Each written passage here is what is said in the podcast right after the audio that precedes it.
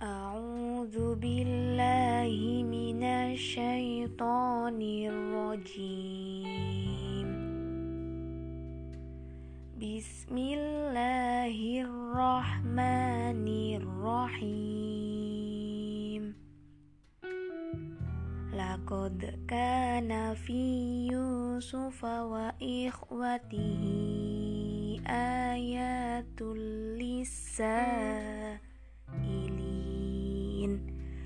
Sodaqallahul Azim Artinya, sungguh dalam kisah Yusuf dan saudara-saudaranya terdapat tanda-tanda kekuasaan Allah bagi orang yang bertanya. Quran Surat Yusuf ayat 7